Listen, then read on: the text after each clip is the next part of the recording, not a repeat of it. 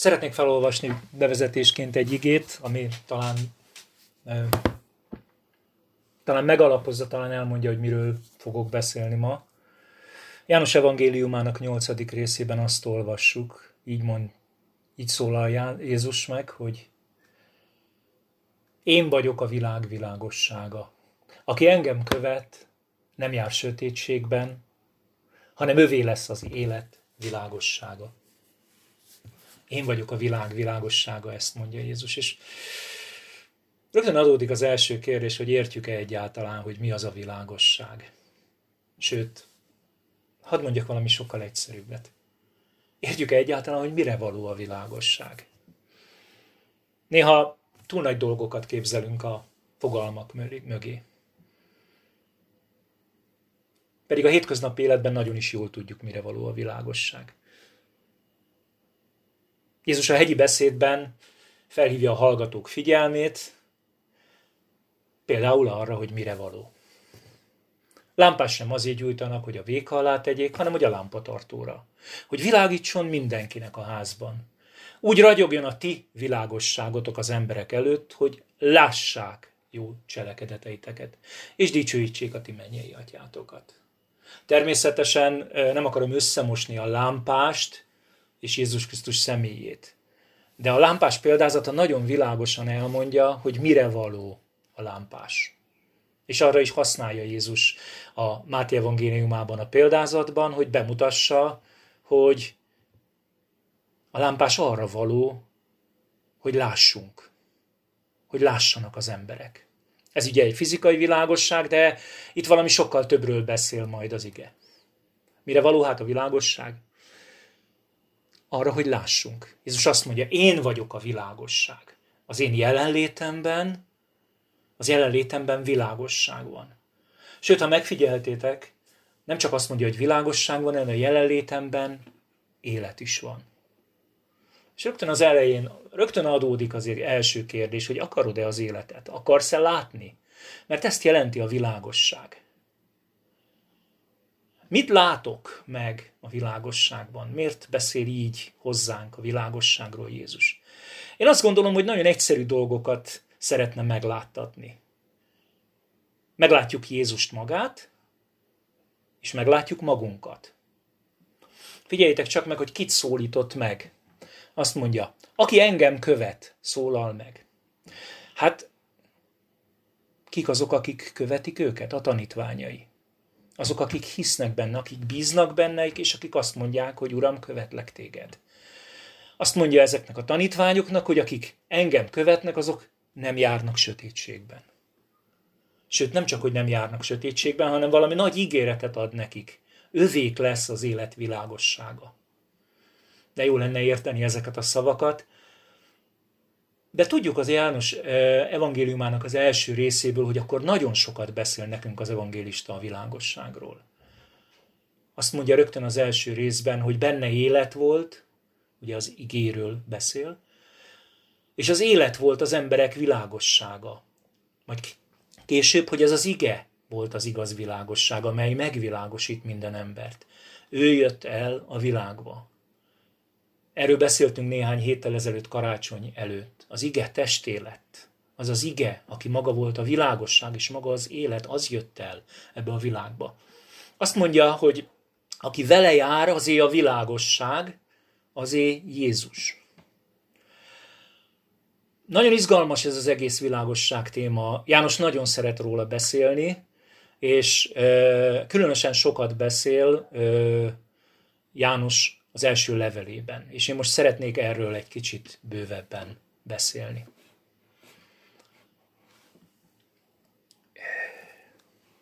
Uh-huh.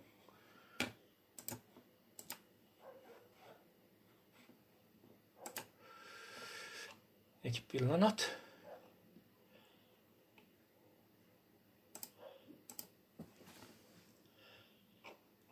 János első levelében az első rész ötödik versétől ezt olvassuk. Ez pedig az az üzenet, amelyet tőle hallottunk, és hirdetünk nektek, hogy az Isten világosság, és nincs benne semmi sötétség. Ha azt mondjuk, hogy közösségünk van vele, és a sötétségben járunk, akkor hazudunk, és nem cselekedjük a világ, az igazságot. Ha pedig a világosságban járunk, ahogyan ő maga is a világosságban van, akkor közösségünk van egymással. És Jézusnak, az ő fiárnak vére megtisztít minket minden bűntől. Ha azt mondjuk, hogy nincsen bűnünk, önmagunkat csaljuk meg, és nincs meg bennünk az igazság.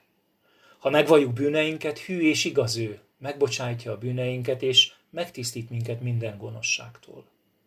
Ha azt mondjuk, hogy nem vagyunk bűnösök, hazuggá tesszük őt, és nincs meg bennünk az ő igéje. Ez pedig az az üzenet, amelyet tőle hallottunk, kezdi János, és, és ez önmagában lenyűgöz engem. János nem arról beszél ezen a ponton, majd fél évszázaddal azután, hogy Jézust keresztre feszítették, meghalt, eltemették és feltámadt, tehát majd fél évszázaddal azután írja ezeket a szavakat, és nem arról beszél, hogy mik a tapasztalatai, hogy ő mit gondol, hogy mik az ő okossága, hanem azt mondja, hogy ez az az üzenet, amelyet tőle hallottunk. Na ezt hirdetjük nektek. Elszégyellem magamat, hogy e, vajon ezt én is mindig így csinálom. Én is mindig azt mondom, amit tőle hallok, amit tőle megértek, és azt adom tovább, vagy pedig belekeveredik óhatatlanul a saját gondolatom is. János a saját múltjából, a saját emlékeiből, amiket hallott Jézustól, azokról beszél a tanítványoknak. És a legfontosabbat mondja el. Az Isten világosság. Tudjátok, ahogy az előbb mondtam, a világosság mi? Az a közeg, ahol minden láthatóvá válik. És hogyha mi ö, nagyon őszintén szembenézünk az emberi mi voltunkkal, akkor bizony nem mindig szeretjük. Az ember zsigerileg rejtőzködni akar. Az édenkert óta, amióta hátat fordított az Istennek, állandóan el akarunk rejtőzni az Isten előtt, elől. Takargatjuk magunkat, elfordultunk tőle, és azóta is rejtőzködünk, és magyarázkodunk. Pedig az Isten világosság. És a legfontosabb meghatározás nagyon érdekes módon az, János részéről, hogy nincs köze a sötétséghez arra hív, és azt mondja, hogy ha ott akarsz lenni, ahol Isten van, akkor a világosságra kell lépned.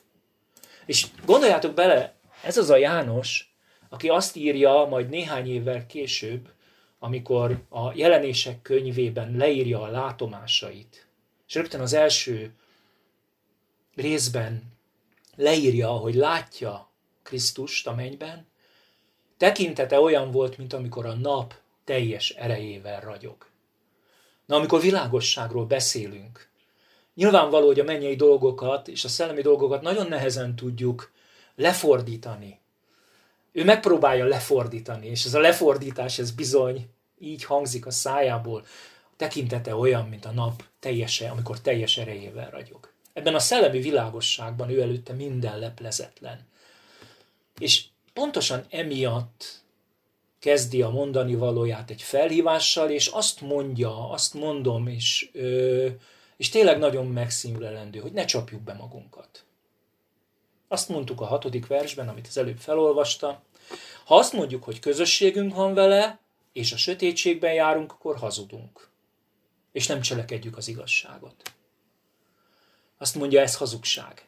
És nagyon érdekes, mert ha figyelmesen olvassuk, akkor nem valami erkölcsi ítéletet mond János, hanem egész egyszerűen azt, hogy az a mondat együtt, hogy közösségem van vele és sötétségben járok, az nincs összhangban a valósággal. Az igazság, ugye a kifejezés, amit használ a Aletheia, az az isteni valóságot, az isteni igazságot. Tehát azt az isteni valóságot jelenti, ami a látható és láthatatlan világban az Istent írja le, a valóságot. Azt mondja, nem egyezik meg a valósággal, hogyha valaki egyszer ezt a kettőt mondja. Közösségem van, és sötétségben járok. Próbáltam értelmezni ezeket a szavakat, mert talán már megszokhattátok, hogy ilyen elemző vagyok egy kicsit. Mit jelent járni? Mert ez egy nagyon fontos kulcsszava Jánosnak egyébként az egész levélben. És amit megértettem tőle, az az, hogy ez biztosan nem valami egyszeri, egy pillanatnyi dolog. A kép, ami eszembe jutott tegnap délután róla, mint amikor a kisgyerek megy az utcán. Vagy én megyek az utcán. Úgy érzem, hogy amikor én beleléptem egy pocsolyába, és vizes lett a cipőm, akkor én nem járok a pocsolyában. Na de a kisgyerek mellettem, hát régen volt már, azért ezt nem tagadom, az utóbbi években nem jár ilyen kisgyerek a kezem, kézen fogva velem. Szóval a kisgyerek úgy jön velem haza az óvodából, hogy szépen sorban minden egyes pocsolyát végigjár, mindegyikbe belelép, mindegyikbe, szinte csak azon keresztül megy, na ő jár a pocsolyába. Talán meg tudom ezzel, tudom ezzel szemléltetni, mi a különbség a beleléptem a pocsolyába, és mi a különbség a járok a pocsolyában. Ő már azt gondolom, hogy jár. Különösen, ha szólok neki, és a jövő héten is így fog menni, akkor már egészen valószínű, hogy ő járni akar, sőt, szeret járni a pocsolyába. Na valami ilyesmiről beszél János, mikor azt mondja, hogy járunk. A sötétség az sokkal nehezebb dolog. Azért nehezebb dolog, mert látszólag azt gondoljuk, hogy értjük, de annyi mindenre használja a Biblia, és, és ez nem biztos, hogy egyszerűvé teszi. Az Ószövetségben a káoszra, a halálra, természetesen legtöbbször a bűnre használjuk. Talán itt is így a legegyszerűbb megfogni, de nem általában egy konkrét bűn. A János evangéliumában, a harmadik részben azt olvassuk, hogy aki rosszat cselekszik, az nem megy a világosságra. Tehát nyilvánvaló, hogy a sötétség és a rossz cselekedet, a bűn, mégiscsak egymással szoros kapcsolatban vál. De én azt mondom, hogy a legegyszerűbb úgy értelmezni, hogy maga itt a Biblia is idézi. Az Isten világosság, nincs benne sötétség. Vagyis ha bármilyen módon a sötétségben járok, akkor nem igaz az állítás, hogy közösségem van egymással, a kettő egymást kizárja. Ezt majd egy picit meg fogom világítani a következő versből, mert sokkal egyszerűbb, mint ahogy itt most talán fejtegetésnek tűnik. Szeretnék azonban egy ennél sokkal-sokkal fontosabb dologra felhívni a figyelmeteket. János, a bölcs öreg, legalább 70 éves, egészen biztosan, vagy már annál is jóval több, amikor írja ezeket a sorokat, úgy beszél hozzánk, hogy azt mondja, ugye még egyszer, figyeljétek meg, a szövegbe, ha azt mondjuk, hogy közösségünk van vele, későbbiekben, ha pedig világosságban járunk, ha azt mondjuk, nincs bűnünk, ha megvalljuk, ha azt mondjuk, nem tudom, feltűnik-e nektek is, ami nekem. Nyilván János az apostol tanít minket valójában nekem beszél, neked beszél. De ezt nem úgy teszi, hogy feláll a pulpitusra, és onnan dörgedezve elmondja, hogy ha azt mondod, ha ezt teszed, ha így gondolkodsz, hanem odaáll melléd. Azt mondja, én veled együtt mondom mindezt, mert én veled együtt ugyanígy élem át ezeket a dolgokat. Valójában azt teszi, hogy ahelyett, hogy egyes szám második szemébe beszélne, többes szám második szemébe beszél hozzánk, velünk együtt, mintha átölelne és azt mondja, hogy figyelj, ez az én életemnek is ugyanúgy része, bármennyire is most tanítalak téged róla, én ugyanúgy élem, szenvedem, küzdöm, harcolom, amiről beszélek. És én szeretnék így beszélni én is erről. Én is hadd mondjam ezt tehát eh, vele együtt magamnak, és nektek is hiszen a következő vers éppen úgy folytatja. Ha pedig világosságban járunk, ahogy a nő maga a világosságban van, akkor közösségünk van egymással. És Jézusnak, az ő fiának vére megtisztít minden bűntől. Talán most értehető meg, hogy miért beszéltem erről a hogyan ölel át János minket. Ha pedig a világosságban járok, ahogy a nő maga a világosságban van, akkor közösségünk van nekünk egymással. Mármint neki, meg nekem egymással. Vagy hadd mondjam neked, ha világosságban jársz, akkor közösségetek van egymással. Közösség van közted és Jézus között. Hadd mondjam még egyszer, mert ez a kulcsa az üzenetnek, a mai üzenetnek. Ha kész vagy odaállni a világosság elé, akkor közösséged van az Istennel. Mikor van közösséged az Istennel? Ha jól érzed magad a jelenlétében? Ha jó a éneklés, ha jó a dicséret, akkor van közösséged az Istennel, hogyha tökéletes vagy, ha nem követtél el semmi bűnt, vagy ha sokat imádkozol, vagy éppen minden Isten tiszteleten részt vettél az elmúlt napokban. Nem. Azt mondja, ha kész vagy odaállni a világosság elé, akkor közösséged van az Istennel. Aki pedig kész odaállni elé a világosságra, annak az az ígérete, hogy Jézusnak, az ő fiának a vére megtisztít minket minden bűntől. Hogyan járhatok a világosságban? Hiszen a járásról szól, és arról beszéltem az előbb. Talán éppen ennek a titkát akarja leleplezni elő, előttünk János itt a következő két versben. Ha azt mondjuk, hogy nincsen bűnünk, önmagunkat csapjuk be, és nincs meg bennünk az igazság. Ha tehát úgy gondolkodom, hogy Uram, én kosser vagyok, nálam minden rendben van, mindent jól csináltam, tudom, hogy mindent jól csináltam, akkor azt mondja János, hogy figyelj testvérem, becsaptam, becsaptad magadat, mert ezt te nem tudhatod. Becsapod magadat. Isten azt kéri tőled, hogy állj oda elé, állj oda a világosságra. János szeretné lerombolni azt a nagyon pusztító, torsz képet, amit sajnos mi magunk hívők építünk magunk köré, hogy a keresztény ember nem követel bűnt. De higgyétek el, ez nincs szinkronban az isteni valósággal, ahogy az előbb olvastuk. A valóság az az, hogy ha megvalljuk a bűneinket, így folytatja a vigét, akkor ő hű és igaz. Megbocsátja a bűneinket, és megtisztít minket minden gonoszságtól. Figyelem! Mindaz, amit ígér, és mindaz, ami történik, annak az alapja ez a két szó. Ő hű és igaz, egész pontosan ugye a szó, ami itt van, igazságos, a görög dikaios szó. Igazságos. Talán emlékeztek rá, néhány héttel ezelőtt beszéltünk erről is nagyon sokat. Azaz, mindaz, ami történik, annak az alapja nem te vagy, hanem ő. Mindaz, amit ő tesz, és ő mond az igéjében.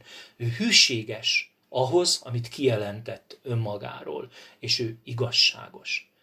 És erre nézve mondja azt, hogy ha megvalljuk bűneinket, megbocsátja bűneinket, és megtisztít.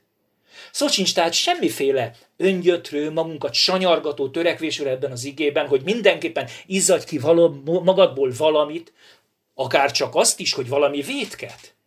Mert hogy csak van valami bennem, nem. Erről szó sincs. A legizgalmasabb ebben a versben, amit elmondtunk, maga a megvalljuk szó. Ez a tudnélik, ha kicsit megpiszkáljuk a mérjét, itt új jelentést kapott az igében, de igazándiból, ami a mélyén van, az egész egyszerűen azt jelenti, hogy azonosat beszélni, egyet beszélni, egyetérteni vele. Homológeó a görög szó. Halljuk belőle a homo, az az azonos, az az egy. Gondoljátok csak végig. Odaállsz az Isten elé, és az Isten mond valamit rólad. Mert neki mindig van mondani valója rólad. Mert ő lát, ő ismer. És nem kér tőled mást, mint hogy érts vele egyet. Mondd azt, amit ő mond. Ha azt mondja, hogy ezt elrontottad, akkor legyen bátorságod azt mondani, legyen bátorságom azt mondani, legyen bátorságunk azt mondani, hogy Uram, én egyet értek azzal, amit rólam mondasz. Na ezt az egyetértek, amit mondasz, ezt fordítja a Bibliánk úgy, hogy megvalljuk. De megint mondom, ez a szó, ez ugyanaz. Egyetérteni azzal tudsz, amit Isten előbb kimond. Odaállni a világosságba, oda elé, és egyetérteni azzal, amit mond. Szerintem ez az igazi kihívás. Mert van egy képünk, van egy önképünk, van egy elképzelésünk saját magunkkal. És Isten pontosan azt szeretné, hogy azért álljunk oda a világosságra, hogy ő maga megmutassa, hogy milyenek vagyunk. és mindezt a szeretetéből teszi. Miért tehetjük mindezt, és azt hiszem, hogy ez a legizgalmasabb kérdés. Isten az, aki megigazított. Ez az egésznek az alapja. Ezért jöhetek oda hozzá naponta egyetérteni azzal, amit rólam, rólad, nekünk mond. És ő minden nap újra és újra kész megmosni a lábunkat és megtisztítani.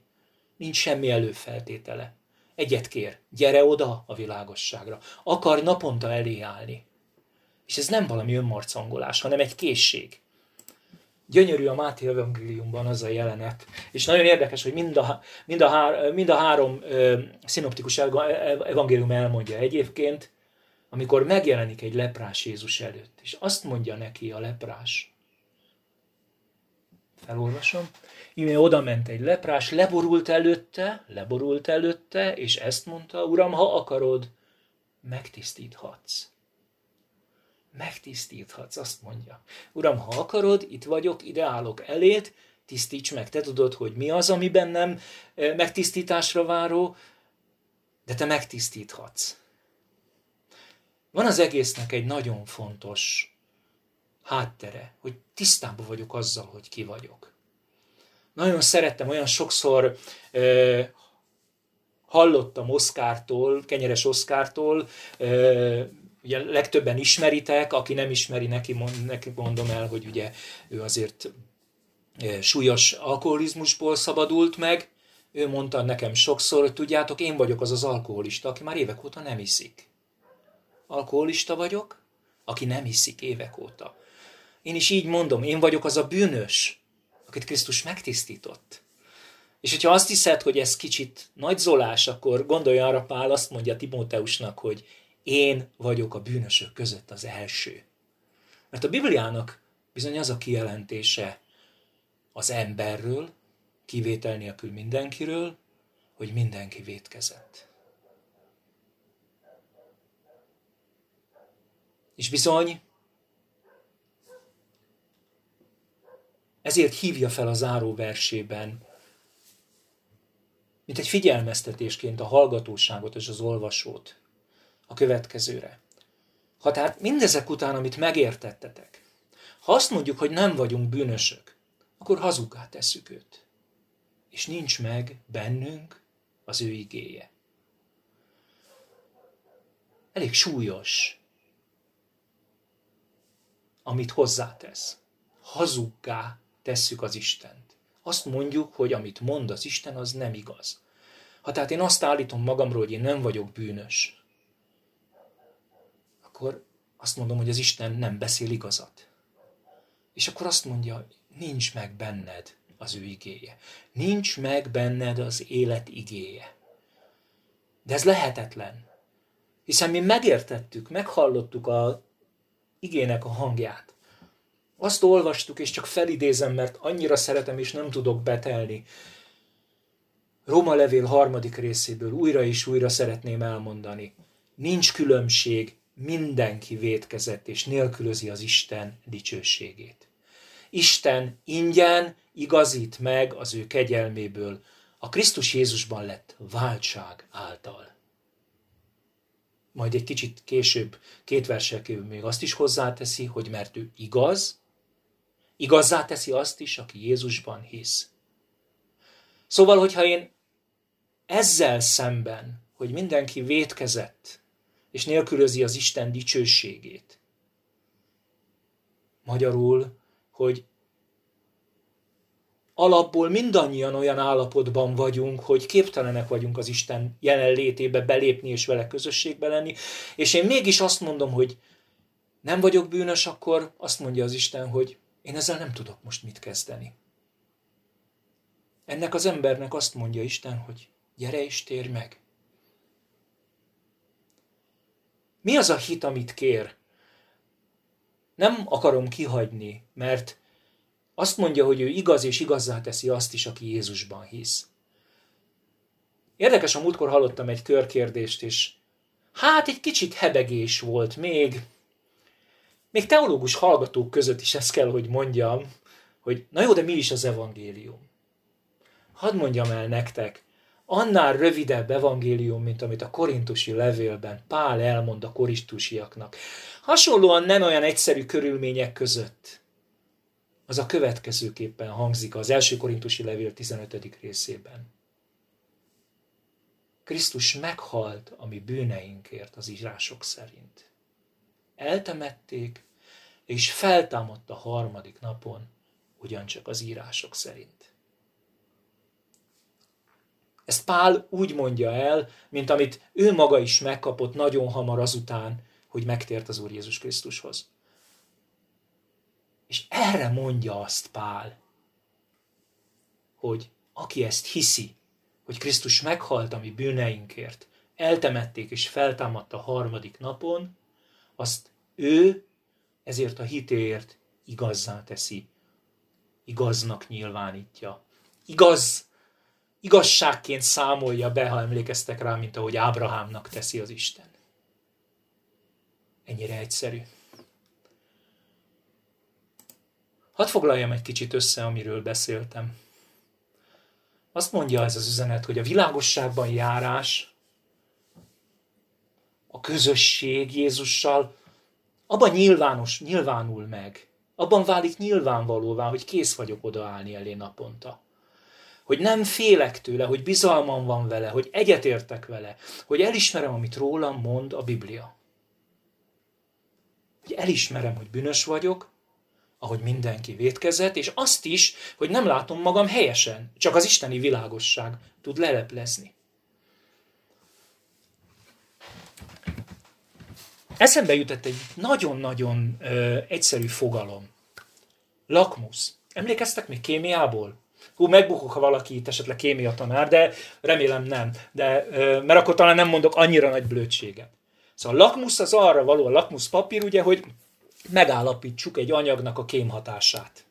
Leteszteljünk valamit.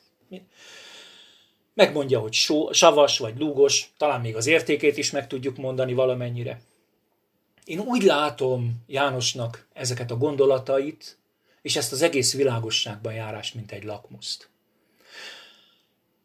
János evangéliumában azt olvassuk, hogy aki hisz a fiúban, annak örök élete van nem lesz, nem majd, hanem van. János első levelének három hatalmas nagy mondani valója van, három nagy témáról beszél a, a apostol nekünk, erről a világosságról, és majd még utána későbbiekben beszél a szeretetről és a hitről is. És miután ezeket mind elmondja, az utolsó részben a következő képpen foglalja össze a gondolatait. Ezeket azért írtam nektek, tehát figyelem, mindezt azért írtam nektek, akik hisztek Isten fia nevében, hogy tudjátok, hogy tudjátok, örök életetek van.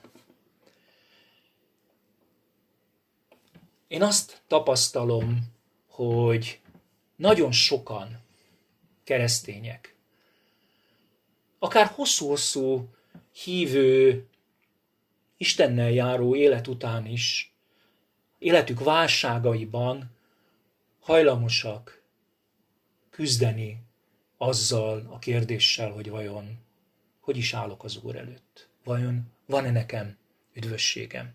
Vajon rendben vagyok-e az Isten előtt? Úgy látom, hogy ez a 5-6 vers, amit az előbb ö, körbejártunk, éppen egy ilyen lakmuszként szeretne megjelenni az életünkben. Azt mondja, hogy amíg kész vagy odaállni a világosságra, addig tud. Ez a szándék, ez azt jelenti, hogy közösséged van az Istennel. Éppen ez a szándék, az Istennel való kapcsolatod, az Istennel való újjászületett életed az, ami újra és újra belül téged odavisz az Isten elé, és arra a döntésre, arra az elhatározásra visz, hogy Uram, világítsát, Uram, mutass rá, Uram, akarok tiszta lenni, akarom, hogy megtisztíts. Szóval egy lakmuszként funkcionál. Csak azért, hogy megértsük, hogy tudjuk, hogy örök életünk van. Nem azért van üdvösségem, mert odaállok az Isten elé, és bocsánatot kérek tőle a bűneimért. Üdvösségem azért van, mert hiszek Jézus Krisztusban, és ő igazzá tesz. De mivel ő igazzá tett, ezért odaállhatok hozzá napról napra. És ezért mondom ezt a bizonyos lakmuszt. És valóban ő megtisztít minden egyes alkalommal.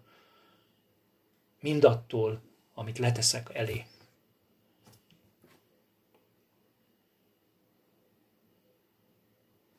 Imádkozzunk. Uram, Uram, köszönöm neked. Köszönöm neked azt a csodát, amit, amit, amit megtettél értünk. Uram, felfoghatatlan az, hogy a tőled elszakadt ember után eljöttél, azért, hogy megments,